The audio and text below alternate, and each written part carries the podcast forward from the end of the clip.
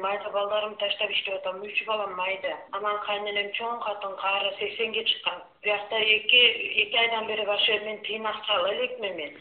Февралда келгенмин манас обсерваториясына вообще тыйын акча ала элекмин менчи анан через день суд неме ночь иштегенмин февральчы через день ночь иштеп бир день иштегенмин бир күн. Ошондо за февраль он эки ночь бир день иштедим мен. Вообще акча албадым. Ана берет мына берет понедельник берет вторник берет абиттен кийин берет деп алдап жүрдү уже февраль бүтүп марттын аягына март деле за вредность акча төлөп берет деген. За вредность акча эмес бул айлык деле төлөлө элек бизгечи.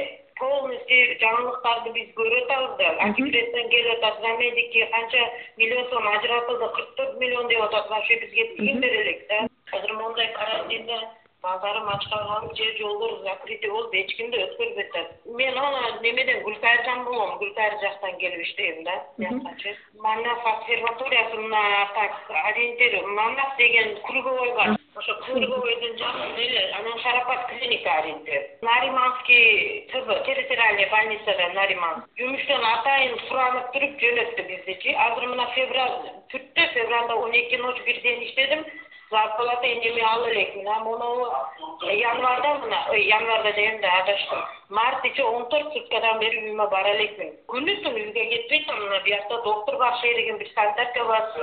Дагы иштеген айлыгымда өзүм жакта мына нариманский райондун гинекологиясында иштеп атам ал жакта айлыгым түштү бирок ала элекмин эми мен мынаяктан чыга албай атам да марттыкы түштү деп ошон ал жактан деле төлөй бере турган болгон мен иштеген ишиме жараша неме кылбады да үч жарым миң төрт миң зарплата зарплата эмес да мен мен он эки ночь бир день иштедим февралда. Мынияктачы за февраль ошо төлөнгөн айлыгына. Айлыкка мен иштебейм да. Эчтекемге жетпейт менин атканда обсерваторияга. Нары жактан бул жактагы э, зарплаталары турат сохранение сохранен болуп деди а уякта за вредность төлөнөт деп ошентип айтты да бизгечи.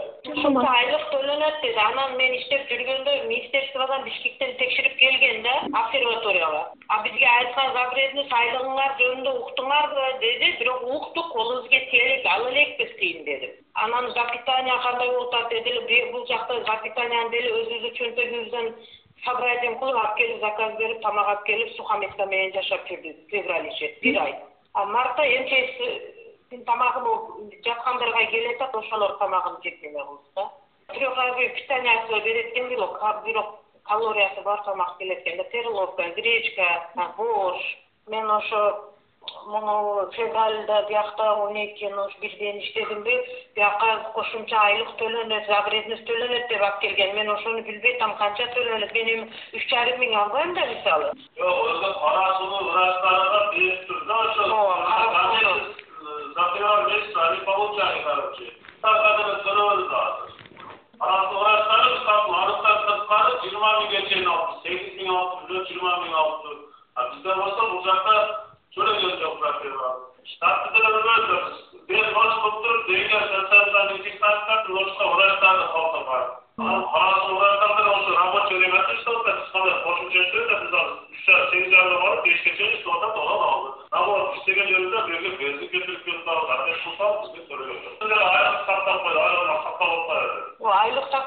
үч жарым миң төрт миң болду кереги жок да онун вообще эле эчтекемге жетпейт. Бизде мисалы ош боюнча канча обсерватория бар билбейм мен укканым беш обсерваторияда эң көп адам бизде жатат экен. Равлин деген деледе он алты адам жатат экен. Отуз эки. Биринчи бизге поступление болду эле. Азыр отуз сегиз адам менен иштеп атабыз. Нагрузка болуп атат да эки посту алты адам немеге областной больницага температура чыгып перевод болду да ошондо бизге отуз сегиз поступление болду кишичи. Бир айдын ичинде эле түркиядан келгендер эмес өзүбүздө өзүбүздүн граждандары умрадан келгендер. Ошолор мына марттын ичинде он неме отуз сегиз адам бизге поступление болду. Олордун ичинде алты киши перевод болуп температура болуп отуз эки адам жатат бизде. А мына февраль ичи кытайлар келген да кытайлар мененам сексен беш кытай жатып чыгып кетти ошо февраль ичи